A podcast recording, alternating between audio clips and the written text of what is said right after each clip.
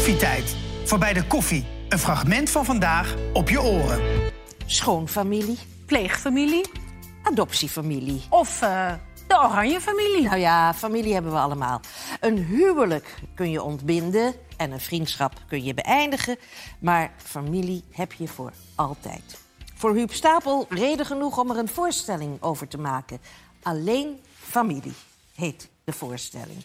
Ja, jij bent opgegroeid, Huub, als vijfde in een gezin van Zes, zes, hè? ja. Ja. In Tegelen. Een tegelen. Tegelen.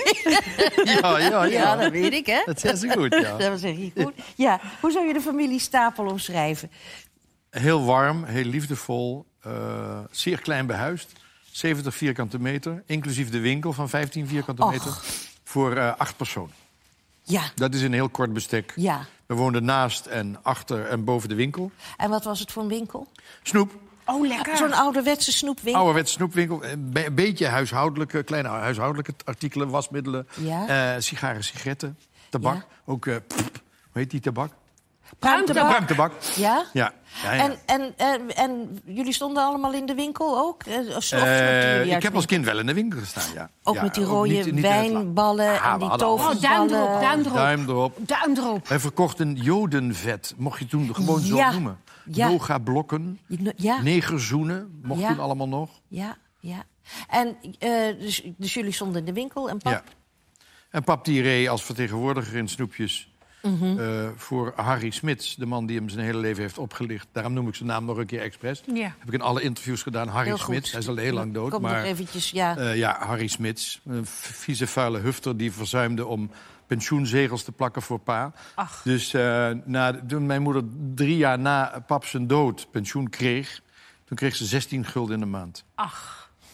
Heb je ongeveer een idee ja, van de rijkdom? ja. Ja. En, en, en dus jullie zijn, maar wel als een gelukkig gezin, hè? maar redelijk Veel aai over de bol, veel knuffels, veel... Ja. eh, kom maar hier en als je het niet meer weet, eh, dan vraag je het aan ons... en dan kun je weer naar buiten, Ja. dan kun je Ja. weer de Maar wereld ook, in. maar ook ouders die jullie ook de ruimte hebben gegeven om Ja. je te ontwikkelen Ja. en, eh, enzovoort. enzovoort. Ja. Wat voor die tijd natuurlijk ook bijzonder is. Heel bijzonder, Ja. want wij zaten natuurlijk achter in de kerk als have-nots.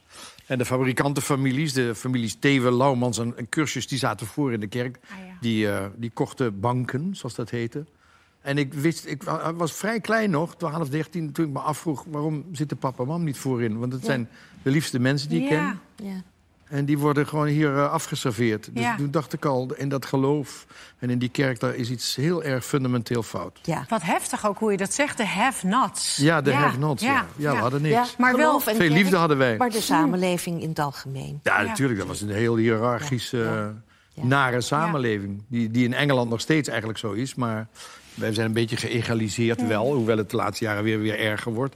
In het eh, verschil tussen rijk en Ja, arm. zeker, ja. Maar vroeger was dat heel erg. Ja. Liefdevol opgegroeid, dat Ja. is wel wel in armoede, maar liefdevol opgegroeid in het gezin. Nu heb jij eh, ongeveer een jaar geleden meegedaan met het programma Verborgen Verleden. Ja. Nou, zo'n programma waar je natuurlijk helemaal in het verleden van de familie eh, duikt. Je- Waarbij je hoopt dat je afstamt van Karel V. Of Ja. Ja, ja, dat soort dingen. Dat weet, ik ook niet hoor, of Nou- je dat moet hopen. Ik weet eigenlijk helemaal niet of ik het allemaal moet willen weten tegenwoordig. Ik vind het wel interessant. Nou, oké, maar is wat een ander verhaal. Ik deed Ja, mee. Precies. Want jij bent wel, ehm, je schrok je daar helemaal suf. Want Ja. je kreeg namelijk eh, het volgende te horen over jouw vader, die dus blijkbaar een groot geheim had. Even kijken. Dus dit is een eh, inschrijvingsbewijs van de NSB. De stapel Jozef, wonende Groesbeek, verklaart zich te zullen onderwerpen aan de voor de WA geldende instructies. Met zijn handtekening. Ja, en dan heb ik hier nog meer bewijsmateriaal. Dan leg ik deze weer even hier neer. En dan zie je deze ook nog aan. Dat is wel mooi, hè? Dat is zijn handschrift, dat herken ik wel, ja. Mag ik dit pakken? dit is een brief geschreven door mijn vader. Weer afdeling Groesbeek 41. Wat ook Ik heb in het volle besef Ja. deze noodzakelijkheid, deze functie aanvaard.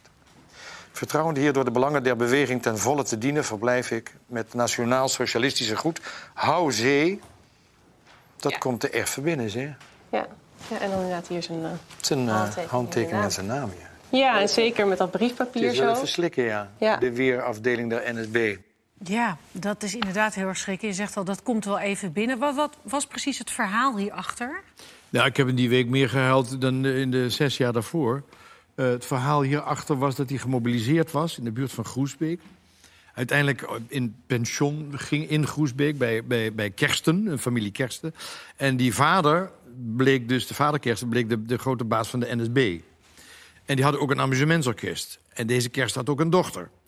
Dus dat was dubbele woordwaarde, zou ik zeggen. ja. Ehm, dus pap werd verliefd op Lena, de dochter van deze kersten. En hij kreeg ook nog eens de kans om zijn grote liefde eh, eh, uit te venten. eh, namelijk de liefde voor muziek. En hij kon dirigeren. Dus hij werd dirigent van het Groesbeeks NSB Amusementsorkest. Ja. Dat staat ook in een krantenknipseltje. Ja. Ja. En toen eh, Maar Ja. was de boot aan. Ja, toen was de boot aan. ehm, maar hij is niet altijd bij de NSB gebleven. Nee, hij is langer bij het verzet. Nou ja, een hele wonderlijke move. Ja. Opa die ging naar Groesbeek. Die heeft hem daar bespioneerd. Het blijkt uit eh, brieven later. En die heeft dus gezien dat hij bij de NSB zat. En in dit zaaltje. Die heeft op hem ingepraat. En uiteindelijk is hij een jaar later... en of de liefde daarbij ook uit was, weten we niet... maar hij is een jaar later teruggekomen naar Venlo. En toen is hij door de bemiddeling van opa... bij de Economische Controledienst... een soort onderdivisie van de douane, terechtgekomen in Weert. Ondergedoken bij de familie Dorsers. En al na een paar weken ontdekte pap dat deze familie Dorsers weliswaar een heel hoge morele standaard had... maar een standaard die het Duitse daglicht niet kon verdragen. Die man was de baas van het Nationaal Verzet afdeling Limburg. En pa heeft toen zijn NSB-verleden opgebiecht. Ja. En toen heeft die man niet gezegd, eruit, hier scheer je werk, wil je nooit meer zien. Maar die heeft gezegd, nou, joh, dan valt er een hoop goed te maken. Ja, En toen is hij dus bij het verzet gegaan. Ja. ja. Maar dit was dus in jullie gezin, in jullie familie, een groot geheim. Ja. Jullie wisten dit Wij niet. wisten daar helemaal Begrijp je dat? dat? Dat jouw vader dit als, als geheim heeft gehouden voor zichzelf? Nee, omdat hij zo'n nooit gedachte, en dat wist ik op dit moment natuurlijk niet. Hij heeft zo'n hele mooie een grote tour gemaakt en Ja. komt bij het verzet. En er zijn ook brieven, eh, want later heeft hij nog gevangen gezeten na de oorlog. Is hij in de geva- het gevangen gegooid. Want toen is die, die recher- recherche, die onderzoek deed naar het NSB-verleden... die hebben helemaal moeten uitventen wat er allemaal, of eh, uitvissen wat er allemaal aan de hand was. Er zijn brieven gekomen van mensen uit het verzet voor aanstaande lieden... die pap hebben vrijgepleit en die hebben gezegd... ja, hij was een goede vaderland, hij heeft met ons overvallen gedaan. Ja. Het is een wonder eigenlijk dat hij hier zit, want er is zeven keer op, op hem geschoten. Hij is een aantal keren gevlucht, uit treinen gesprongen. Dus eh, toen is dat helemaal... eh, toen is hij eigenlijk Ja. gerehabiliteerd. En, en, en dit verhaal, eh, eh, be- wat je zo op deze manier allemaal te weten bent gekomen... was voor jou de basis voor de voorstelling. Ja, ik was bezig met een soort monumentje, een soort altaartje. Want, omdat het zulke ongelooflijke mensen zijn geweest die helemaal niets hadden. En die ons toch allemaal de mogelijkheid eh, hebben gegeven om te worden wat we wilden worden. Ja. En toen kwam dit verborgen verleden Ja, erbij. tja. En toen heb ik eh, eh, heel veel uren gezeten met Jan Beuving. En, eh, niet alleen zelf een heel goede cabaretier, maar ook een fabelachtige tekstschrijver. En die heeft het. Ja, mijn, oudste broer Jan zei het heel treffend. Die zei: Het is net of Jan Beuving, de tekstschrijver, gewoon 40 jaar bij ons aan huis heeft gewoond. Oh, Ja, zo wauw. goed heeft hij Zo treffend heeft hij die voorstelling gegeven. Prachtige liedjes We gemaakt. gaan even kijken naar een, de trailer, maar dan krijgen we een beetje een indruk van de voorstelling. Dag papa en mam. Mijn vader stierf toen ik 21 was. Mijn moeder stierf 21 jaar later. Jullie zijn met mij verweven.